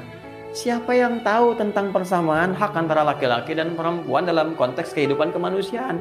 Yang menciptakan kita Allah, yang tahu kebutuhan kita Allah. Allah sudah mengatur, lantas kenapa Anda ikut-ikutan mengatur, Suneo? Paham? Ya. Jadi kalau kita sudah ada yang ngatur, jangan ikut ngatur. Sesuatu yang sudah ditetapkan jangan ikut menetapkan. Akhirnya yang sudah teratur menjadi rusak aturannya. Dan dicapai kehidupan kita. Matahari itu sudah jelas terbit dari timur, terbenam di barat. Jangan dipikirin. Sepanjang semua teratur begitu, Anda hanya buang-buang energi menganalisis kenapa matahari terbit di timur. Ya memang sudah terbit dari timur. Nanti kalau dunia berakhir terbit di barat. Ini sesuatu yang sudah tetap jangan ikut-ikutan ngatur sehingga tidak banyak energi kita keluar. Ya, tapi poinnya kembalikan ke sini. Fokus. Fokus baik-baik. Ketika Allah menggunakan diksi unzila ingin menuntut kita, hei orang takwa itu cirinya yakin dengan semua hukum Allah. Yakini semua isi Al-Quran. Ya, jangan yang ini anda yakini, yang lain anda tinggalkan. Tidak. Ya, jangan sampai ibadahnya bagus, ayat sholat bagus. Ayat puasa tuntas, jangankan yang fardu, yang sunnah dikejar-kejar. Tapi ayat-ayat akhlak nggak dipraktekkan. Betul ngaji Quran. Quran sampai hafal, bagus. Ngaji sunnah, perdalam. Ya, bahkan kitab-kitab dikumpulkan dari Al-Arba'in An-Nawawiyah 42 hadis. Ya, kemudian apa lagi? Riyadus Salihin 1896 hadis. Kumpulkan lagi sampai ngaji Sahih Al-Bukhari, Sahih Muslim. Bagus. Tapi sunnah akhlak gak dipraktekkan. Mencela tetap dilakukan. Padahal Quran mengatakan layas min kaum. Bahkan dibuka dengan kalimat iman. Gibah juga. Gak tanggung-tanggung kadang-kadang yang dicela ustadz, ulama. Yang digibahkan ustadz juga. Jadi pertanyaannya, ketika Anda mengatakan saya ingin menjadi orang bertakwa, Quran mengajak praktekkan keseluruhan, Anda ambil sebagian. Maka ini menunjukkan belum sempurna tingkat ketakwaan seseorang. Masih terus berusaha. Paham ya? Awas hati-hati. Kalau kita bicara tentang kompleksitas dan komprehensivitas keseluruhannya, maka tergabung di sini. Maka bagian pertama Allah ingin memberikan isyarat seluruh yang diturunkan kepada Rasulullah Sallallahu Alaihi Wasallam. Baik itu Al-Quran, yakini keseluruhannya. Jelas. Pun demikian dengan sunnah. Awas, yakini keseluruhannya. Ada sunnah qauliyah, bimbingan, pedoman dari lisan Nabi. Ada sunnah fi'liyah, pedoman perbuatan Nabi. Sunnah takliriyah, ya pedoman dari ketetapan Nabi Sallallahu Alaihi Wasallam. Ada sunnah terkait bimbingan moral, akhlak. Sunnah terkait dengan bimbingan fisikal. Ada. Itu sunnah dan cara memahaminya dengan ilmu tentunya. Ya, nanti kita akan bahas turunan turunannya. Nah, kita belum mampu mengamalkan, tak apa-apa. Tapi membenci itu dilarang. Yes. Kita belum mampu mengamalkan, itu ditoleransi. Ya, tapi kemudian mengingkari itu persoalan. Hati-hati. Saya pengen kerjakan Quran, tapi saya ingkari sunnah sehingga muncul aliran ingkar sunnah sesat. Bertentangan dengan Al-Quran. Jelas tegas bertentangan dengan Al-Quran. Ya, Apalagi sebaliknya, ya senang sunnah Quran ditepikan, sama sesat. Ya, bertentangan dengan isi Al-Quran. Demikian pula untuk memahami ini penting ada pengetahuan sehingga lahir nanti sikap mulia dalam bentuk akhlak. Itu puncaknya. Ya, inna mabu'ithtu liyutamima salihal akhlak. Sungguh di antara tugas utama aku kata Nabi diutus untuk menyempurnakan keutamaan akhlak yang mulia. Ini bagian pertama teman-teman. Kita jawab ini yakin tanpa ragu terhadap segala. Yang dimaksud segala yaitu tanpa kecuali secara komprehensif keseluruhannya bukan sebagian sebagian. Jangan potong ayat, apalagi potong ayat. Awas hati-hati. Meyakini sebagian saja sudah salah, apalagi memotong-motong sesuatu demi kepentingan nafsu. Hei, ya orang-orang liberal, saya ingatkan. Orang-orang yang ikut paham pluralisme, saya ingatkan. Ya, saya temukan beberapa tulisan-tulisan yang seenaknya memotong ayat-ayat Al-Quran ya sebagai klaim legitimasi bagi konsep yang ditawarkan padahal isinya menyimpang dari ketentuan Al-Qur'an ya bahkan maksud ayat itu sendiri terlebih dengan ketentuan hadis-hadis Nabi sallallahu alaihi wasallam. Nah, ini beberapa bagian yang kita ingin luruskan dan kita saling mendoakan. Kita doakan ya. Jadi yang dibawa itu bukan rasa kebencian. Kalau rasa kebencian yang dibawa tidak objektif. Ya, dan buruk, buruk. Ya, sama buruknya. Yang dibawa adalah sifat kemuliaan sifat kecintaan. Karena cinta diingatkan karena cinta kita doakan. Ya pun demikian Rasulullah SAW mendoakan Umar sehingga dapat hidayah padahal Umar punya perilaku buruk maka kita pun doakan orang-orang sekitaran kita. Dan ini pengingat ini akan sangat bermanfaat bagi orang yang masih menyisakan iman di kolbunya. Ya fadzakir fa inna dzikra tanfaul mu'minin mu'minin. Ya ingatkan sungguh ketika diingatkan kalau ada masih setetes embun iman dalam nuraninya itu akan bermanfaat dalam kehidupannya. Mungkin dalam perenungan akan sadar dan kembali pada jalan yang benar. Itu hal yang sangat indah. Baik, teruskan teman-teman sekalian. Masih kuat? ya, bagus ya. Ayo semangat teman-teman yang di sini juga ya. Semangat, yuk. Terus, kemudian kita belum jawab bagian yang kedua, apa yang dimaksud dengan kalimat yuk minun, meyakini, mengimani. Apakah hanya iman saja? Ya, yakin tanpa ragu pada Al-Quran. Yakin tanpa ragu pada semua keterangan Nabi dalam sunnah, dalam hadis. Yakin tanpa ragu dengan semua hikmah. Apakah cukup sampai di situ? Tidak. Ingat, kaidah dasar iman selalu bersanding dengan amal. Masih ingat di jumpa kita pembahasan awal ayat ketiga saat kita menguraikan kalimat alladzina yu'minuna bil ghaib. Bukankah kita telah membahas tuntas dengan pengertian tentang pengertian yu'minun? Dan kata yu'minun bentuknya progresif. Ya.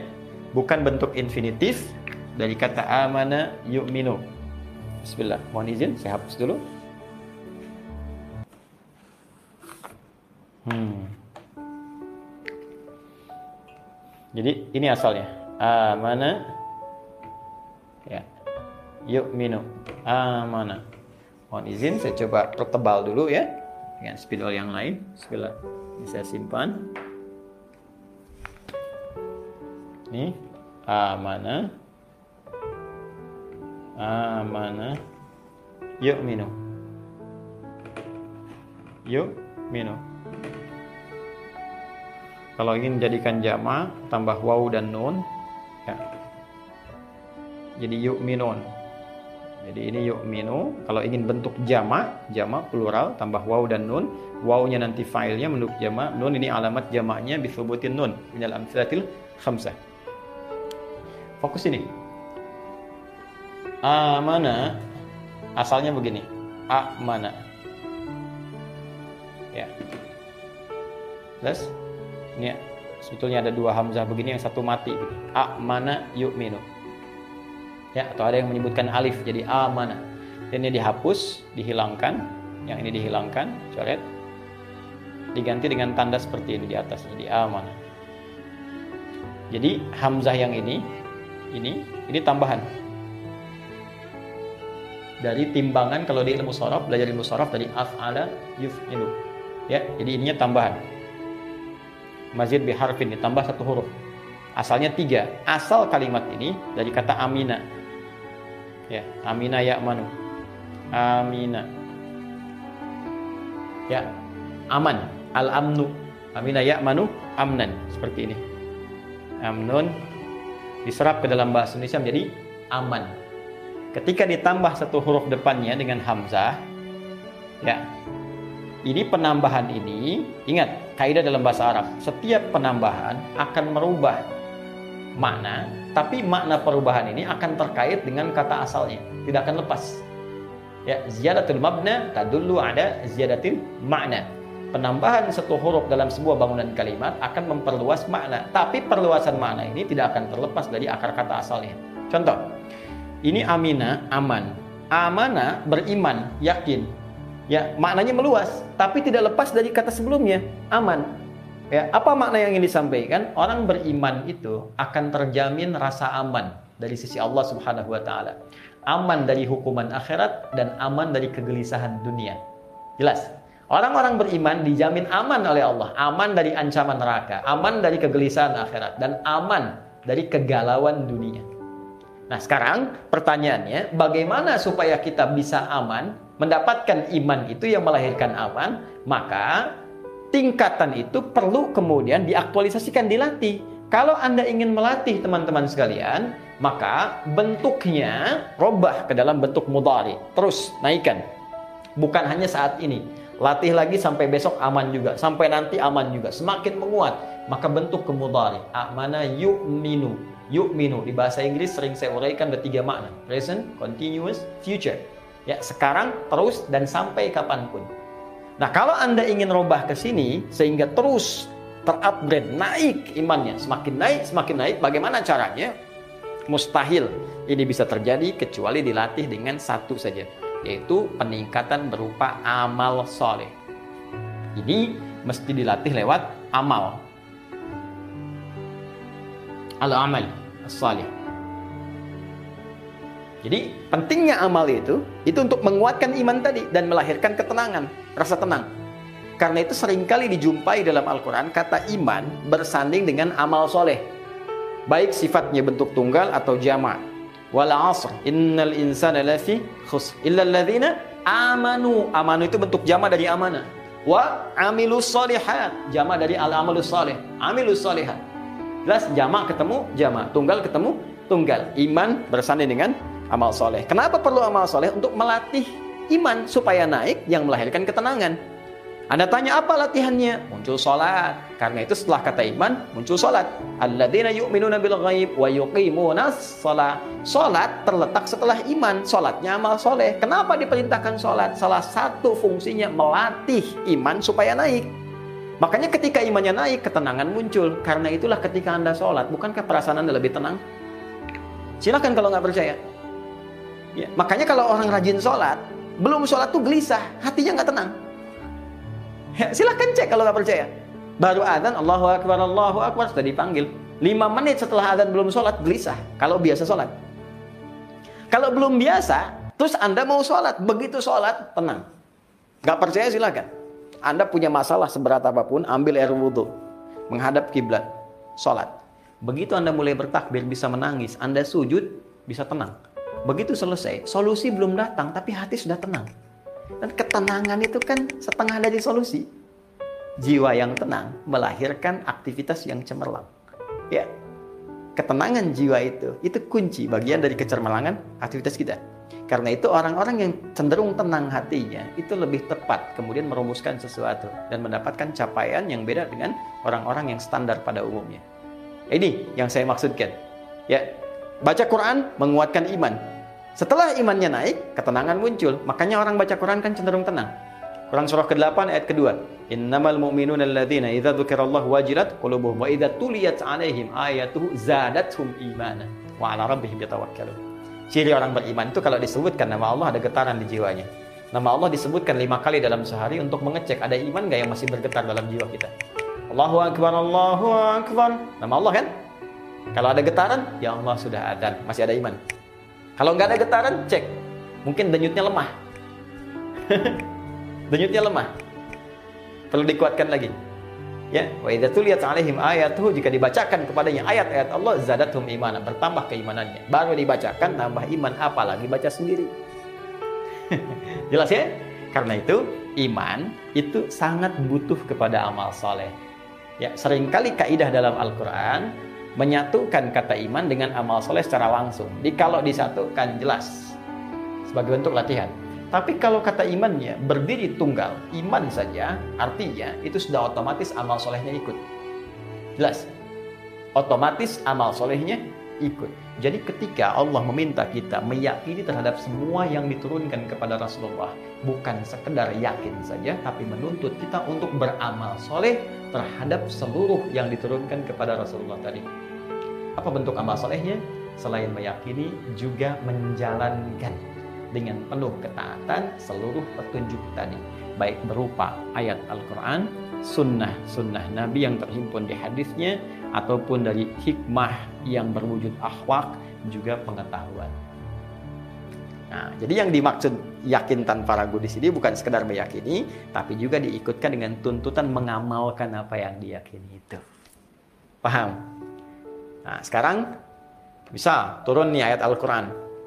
Uh, kita ambillah tentang sholat misalnya Al-Baqarah ayat 43 waqimus sholat tunaikan sholat yakin saya sholat belum selesai belum selesai belum 100% belum dinilai sempurna kalau ingin sempurna setelah yakin amalkan bagaimana caranya ya sholat pelajari caranya, pelajari ilmunya, pelajari cara kehusuannya, tunaikan. Itu yang dimaksudkan orang-orang yang yakin tanpa ragu terhadap semua yang diturunkan pada Rasulullah SAW. Jelas? Nah, kalau sudah jelas, sekarang masuk praktek bagian yang ketiga. Ya, apa bagian yang ketiga? Sikap apa yang harus tampak ketika kita ingin mengamalkan seluruh apa yang kita yakini tadi. Sikapnya bagaimana? Nah, kalau ini butuh detail. Ya, bagaimana cara kita berinteraksi dengan Al-Quran? Ketika disebutkan yakin terhadap Al-Quran, bagaimana cara menampilkan keyakinan itu dalam bentuk sikap?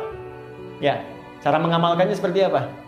Nah, kita ambil satu contoh saja. Nanti yang lainnya kita turunkan ketika masuk kepada ayatnya. Ya, kalau saya uraikan di awal semua, ya selesai kajian kita. Cuma ayatnya belum dibaca. Jelas ya? Nah, sekarang lihat sini. Ya, Sabar ya, sabar, pelan-pelan, pelan-pelan. Saya hapus dulu. Paham kan, teman-teman? Paham ya? Insya Allah ya. Nah, jadi satu-satu ya. Yang di sini apa yang dimaksud? Kita simpulkan dulu. Yang dimaksud dengan seluruh yang diturunkan, ini telah saya uraikan bisa Al-Quran, bisa Sunnah, bisa hikmah berupa akhlak ataupun bimbingan pengetahuan. Kemudian Bagaimana cara meyakini itu semua yang dimaksud dengan kalimat yu'minun? Ya bukan sekedar meyakini tentang semua ini, tentang kebenarannya, tapi juga berusaha mengamalkan seluruh apa yang diyakini itu. Sekarang kalau kita ingin mengamalkan bagaimana sikap kita dalam berinteraksi dengan semua ini. Ya. Pertama kita ambil contoh Al-Quran. Baik, cara berinteraksi dengan Al-Quran seperti yang dibimbing oleh Al-Quran sendiri, jelas ditegaskan oleh Nabi Wasallam dalam sunnah-sunnahnya setidaknya ada tiga. Saya sering nguraikan ini. Satu, bisa dalam bentuk bacaan, dikenal dengan kiraah. Nah, kenal dengan kiraah. Kiraat. Ini. Sekedar memperbanyak bacaan. Ya, motivasi utamanya bisa baca dengan cara yang baik dan benar. Membaca dengan cara yang baik dan benar itu dipelajari ilmunya tajwid. Tajwid itu baik dan benar. Jelas ya? Karena itu muncul ilmu tajwid. Ya. Uh, ma huwa tajwidu at-tajwidu lughatan al-ityanu bil jayyidi wastilahan ilmun yarafu bi haqqu mustahqam la sifati wal muludi wa ghairi dhalika kat tarqiqi tafkhim wa ما غاية علم التوجيه غاية بلوغ النهاية بإتقان لفظ القرآن علامة الوقية من الحضرة النبوية الصحية وقيل غايته صون اللسان لا خطأ في كتاب الله تعالى ya itu yang paling simpel ada kitab namanya Hidayatul Mustafid fi ilmi tajwid ya saya belajar dulu tahun 97 ya setiap hari Rabu ya saya jam 2 hafalkan jam 4 kemudian belajar nah, itu secara simpel bagus sekali ya tajwid itu sederhananya mendatangkan sesuatu dengan baik dan benar jadi kalau Anda ingin baca, bukan sekedar baca, tapi cara bacanya mesti baik dan benar. Hukum-hukumnya didatangkan, hak-hak baca aja dihadirkan sehingga terjaga lisan kita dari kesalahan membaca kitabullah. Ini interaksi yang pertama. Jadi motivasinya supaya bisa baca dulu. Dengan baca itu nanti tahu isinya. Ya, bukankah Anda kalau ingin membaca, ingin tahu informasi dalam bahasa Inggris, Anda kan belajar bahasa Inggris dulu. Ya, ingin tahu nih, oh ini situs-situs yang ada nih di internet. Ingin tahu majalah ini berbahasa Inggris, Anda belajar dulu, baru bisa baca, setelah itu paham kan? Demikian juga dengan bahasa Jepang, ya. Bahasa yang lainnya misalnya, tentu menuntut kita bisa baca dulu. Dan menariknya, dalam mengerjakan bagian pertama pun, ini adalah bagian tahap pertama dari wahyu. Proses turunnya wahyu. Bukankah wahyu dibuka dengan kalimat ikra? Ya kan? Quran surah 96, ya ayat yang pertama diturunkan saat usia Nabi 40 tahun, 6 bulan, 12 hari di Gua Hira ya iqra bismi rabbikal ladzi khalaq. Iqra seperti ini. Qara'a yaqra'u iqra.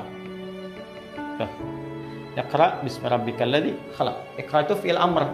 Dari kata qara'a yaqra'u qira'atan. Baca. Bacaan yang tidak secara langsung menuntut pada pemahaman. Yang penting bisa baca dulu. Ya bahkan baru belajar baca walau mengeja itu pahalanya bisa dua kali lipat orang lancar. Ya di At-Tirmidzi disebutkan Man qara'a, kalimatnya qara'a. Man qara'a harfan min kitabillahi falahu asyru hasadat. Siapa yang bisa baca lancar dari kitab Allah, setiap hurufnya 10 kebaikan. Ya, walam akul alif lam mim harfun. Saya tidak katakan kata Nabi alif lam mim satu huruf, walakin alifun harfun, lamun harfun, mimun harfun. Walikuli harfin asyru hasanat. Alifnya satu huruf, lam satu huruf, mim satu huruf. Setiap hurufnya 10 kebaikan. Alif lam mim hitung-hitungan normal 30. 3 kali 10 30. Jangan hitung 1 2 3 4 sampai 30 tidak. Satu keduanya bisa 500 tahun kalau mengambil ya analogi pada hadis masuk ke masjid untuk beramal. Itu yang lancar dan disertai malaikat ma'asyafratil kiramil bararah. Dijaga malaikat supaya memastikan dia tetap dalam keadaan yang baik. Makanya saya sering katakan ahli Quran walaupun baru bisa baca, memperbanyak bacaan, belum menghafal, baru memperbanyak bacaan. Kalau benar bacaannya akan merubah perilakunya lebih baik. Karena itu patut dicurigai kalau ada orang rajin baca Quran tapi tidak merubah perilakunya, patut dicurigai bahwa boleh jadi ada yang tidak tepat dengan cara dia membaca. Ya, kalau bukan tidak tepat di lisannya, mungkin kebanyakan tidak tepat di hatinya. Niatnya salah. Sehingga Quran tidak menghadirkan pedoman dalam kehidupannya. Nah, kalau belum lancar, walladzi yatata'ta wa huwa syaqqun alaihi, sedangkan orang yang berusaha mengeja walaupun terbata-bata, diapresiasi oleh Allah dari lisan Nabi. Falahu ajran. Dia dapat dua kali pahala orang lancar. Pahala pertama kesungguhannya, pahala kedua dari setiap bacaannya. Tapi jangan salah menyimpulkan, pakai ilmu. Jangan salah menyimpulkan. Kalau gitu nggak lancar aja bacanya tidak. Ya, yang lancar itu didampingi malaikat sehingga menjaga dia dari perbuatan maksiat. Itu, itu ketinggian. Jadi ini interaksi pertama. Jadi kalau Anda yakin dengan semua isi Al-Quran, ya udah belajar baca. Malu ah sama anak kecil usia 4 tahun, ada yang kata orang matanya nggak bisa lihat. Ya, kata Adi Hidayat bukan nggak bisa lihat, tapi matanya ditutup dari perbuatan maksiat. Ya, anak 4 tahun, ya hafal Quran 30 juz. Anda dikasih 40 tahun, 50 tahun, 60 tahun untuk baca saja belum punya waktu. Cita-cita masuk surga lagi, surganya pengen firdaus. Anda sehat. Hah? Anda sekarang. Harus punya kebanggaan. Masa mau sampai sekarang belum bisa baca Al-Quran? Eh, butuh berapa tahun lagi?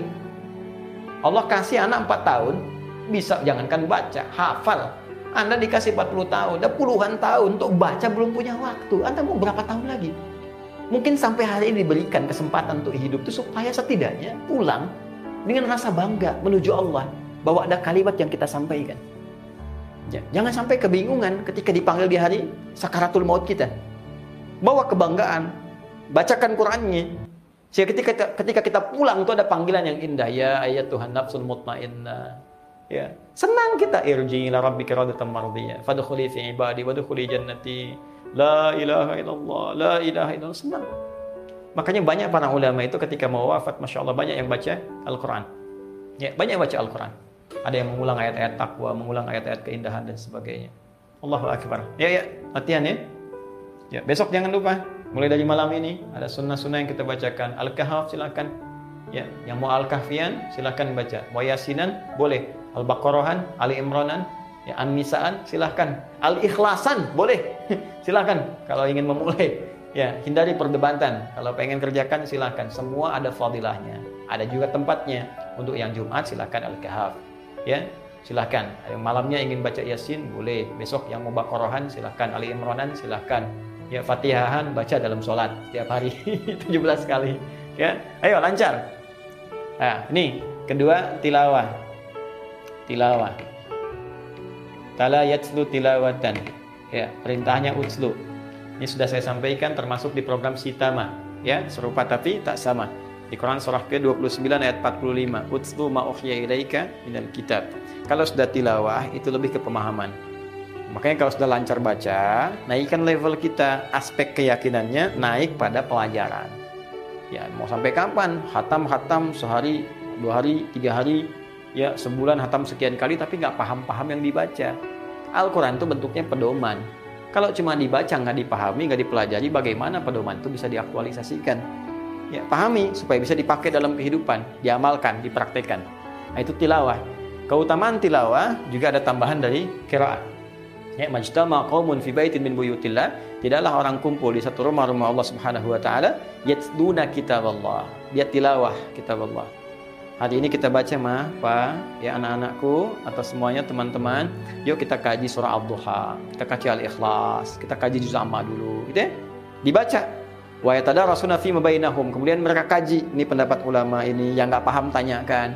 Illa kecuali selain dapat pahala qiraah, juga dapat tambahan empat bonus. Ya, pertama, humur rahmah. Rahmat Allah akan dilingkupkan di mereka. Rahmat itu banyak, di antaranya ampunan dosa. Jadi kalau mereka minta ampun, langsung diampuni. Ya, kalau tobat diterima, kalau benar cara tobat dan minta ampunnya. Ya, nazalat alaihimus sakinah, diberikan sakinah ketentraman di jiwa mereka. Makanya kalau di rumah tangga sering ngaji Quran, sering tilawah gini, itu ada ketentraman. Bukankah sakinah diharapkan di rumah tangga? Sakinah, mawadah, rahmah, samara. Di antara cara mendapat sakinah, tilawah Quran. Ya. Kemudian nazalat alaihim sakinah ghasyiathum rahmah wa haffathumul malaikah.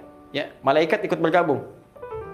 Bergabung menyimak melihat ya memberikan pendampingan memberikan ketentraman. Ya hanya beruntungnya kita alhamdulillah sifat malaikat diciptakan ghaib tidak nampak sehingga tidak membuat kita gelisah. Ya bayangkan kalau misalnya tampak wah lagi baca buku ini ada saya plek. Kamu siapa? Saya malaikat maut. Wah nggak jadi anda tilawah. Bisa berhenti di situ. Ya baik jadi ada malaikat berkumpul, malaikat berkumpul itu anugerah. Karena ketika Anda berdoa, itu malaikat mengaminkan. Ya, makanya orang tilawah itu selalu saya ingatkan, kalau Anda sedang tilawah, berhenti di ayat doa langsung doa. Nabi itu begitu.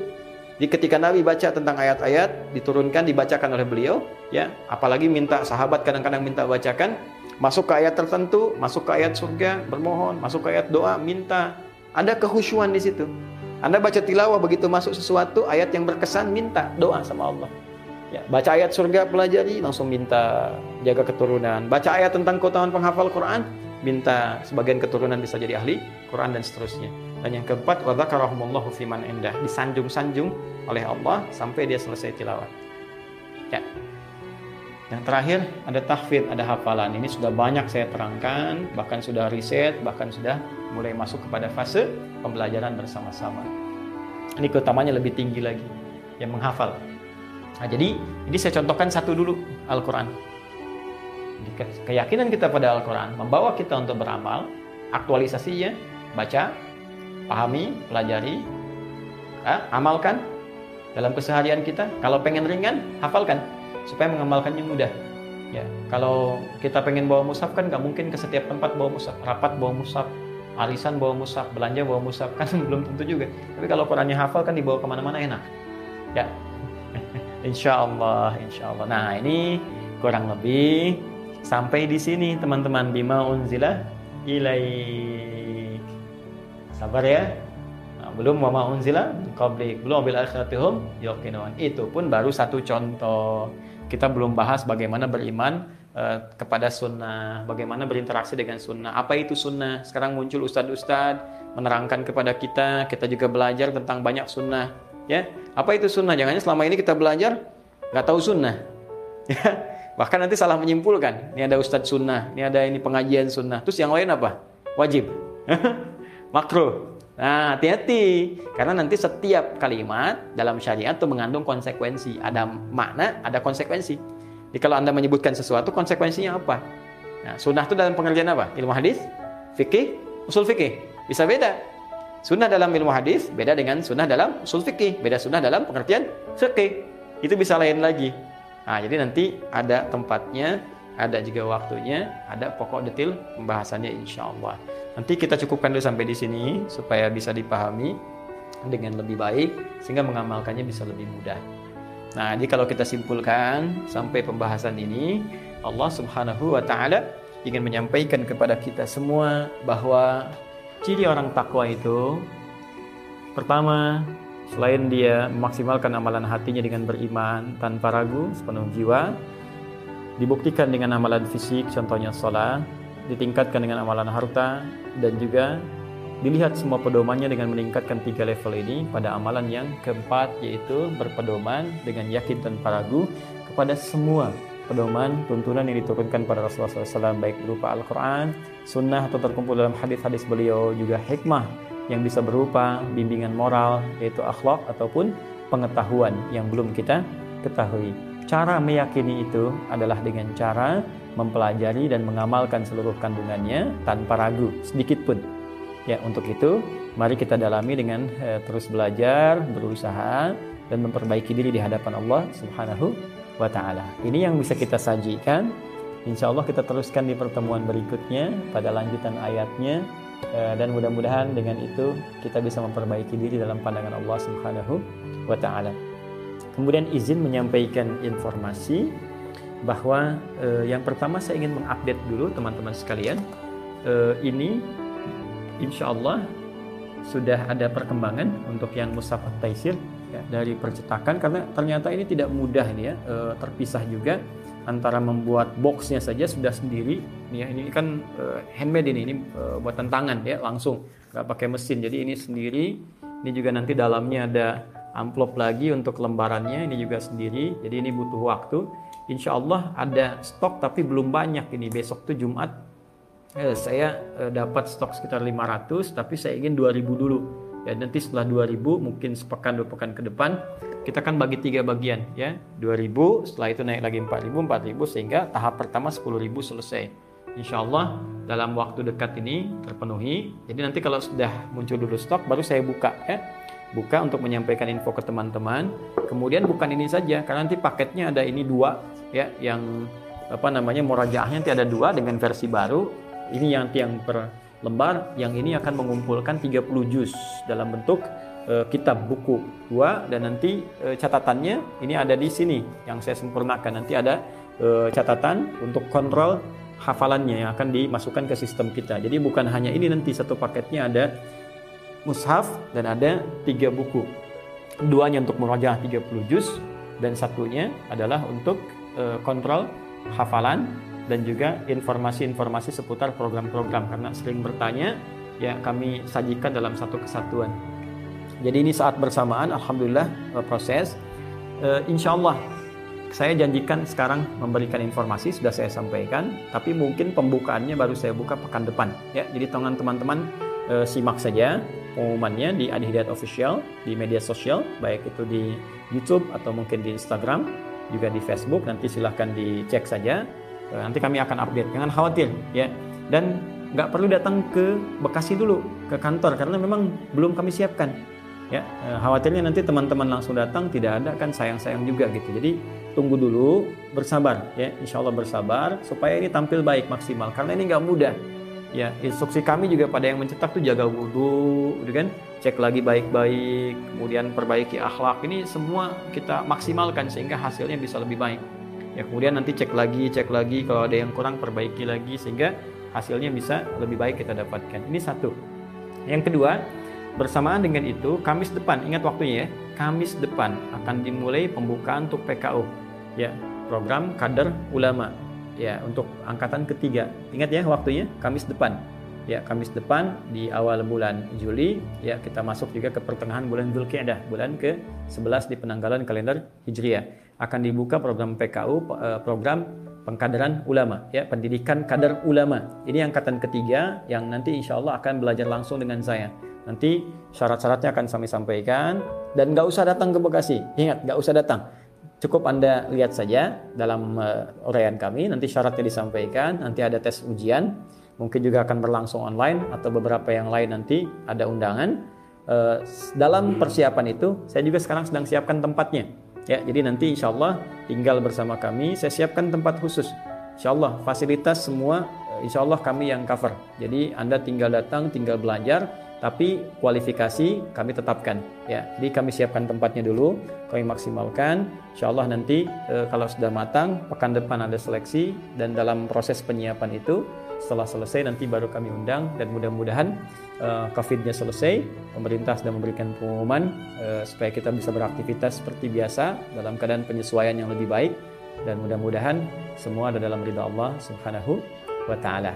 Saya kira itu yang saya sampaikan. E, mudah-mudahan besok disambungkan dengan program roti ngobrol dan tanya Ustaz Adi kemudian ada Sitama ya serupa tapi tak sama dan juga nanti ada program-program lainnya seperti pertanda ya pernah tahukah anda yang insya Allah dari tiga program itu e, salah satunya akan dipusatkan kepada pembahasan seputar fikih yang terkait dengan alternatif amalan-amalan di bulan-bulan haji. Nanti kita siapkan jangan-jangan ada yang belum tahu. Kalau ada satu amalan yang kalau dikerjakan nilainya sama dengan orang haji walaupun dia belum atau eh, belum sampai berhaji. Tapi bukan berarti sama dengan orang yang ibadah di sana, masuk Masjidil Haram misalnya, eh, Masjid Nabawi tidak. Tapi yang esensinya adalah dia mendapatkan pahala seperti orang haji. Ada satu amalannya nanti kita akan bahas dan kita urutkan menjadi kurikulum pembahasan sampai kepada tiba waktunya penunaian amalan yang dimaksudkan. Semoga Allah memuliakan kita, memuliakan keluarga besar kita, memberikan hidayah kepada kita semua, menyelamatkan kita dari berbagai hal yang bisa mengancam kehidupan kita dunia, alam kubur ataupun akhirat, memberkahi kehidupan kita, membimbing kehidupan kita, kehidupan bernegara, berbangsa, bermasyarakat, memberi petunjuk kepada para pemimpin kita, orang-orang yang bertanggung jawab dihisab di hari kiamat, mudah-mudahan diringankan oleh Allah dan diberikan petunjuk untuk berbuat lebih baik dalam kehidupan, memberikan bimbingan kepada ulama kita untuk ikhlas dalam berdakwah, dan memberikan petunjuk kepada kita semua untuk ikhlas dalam beramal saleh karena Allah Subhanahu wa taala. Allahumma taqabbal minna innaka antas samiul alim wa tub alaina innaka antat tawwabur rahim. Allahumma ij'alna min ahli al-Qur'an واجعل القرآن صحيبا لنا في الدنيا وشفيعا لنا في الآخرة يا رب العالمين. ربنا آتنا في الدنيا حسنة وفي الآخرة حسنة وقنا عذاب النار. بفضلك سبحان ربك رب العزة عما يصفون وسلام على المرسلين وآخر دعوانا أن الحمد لله رب العالمين. سبحانك اللهم وبحمدك أشهد أن لا إله إلا أنت أستغفرك وأتوب إليك. السلام عليكم ورحمة الله وبركاته.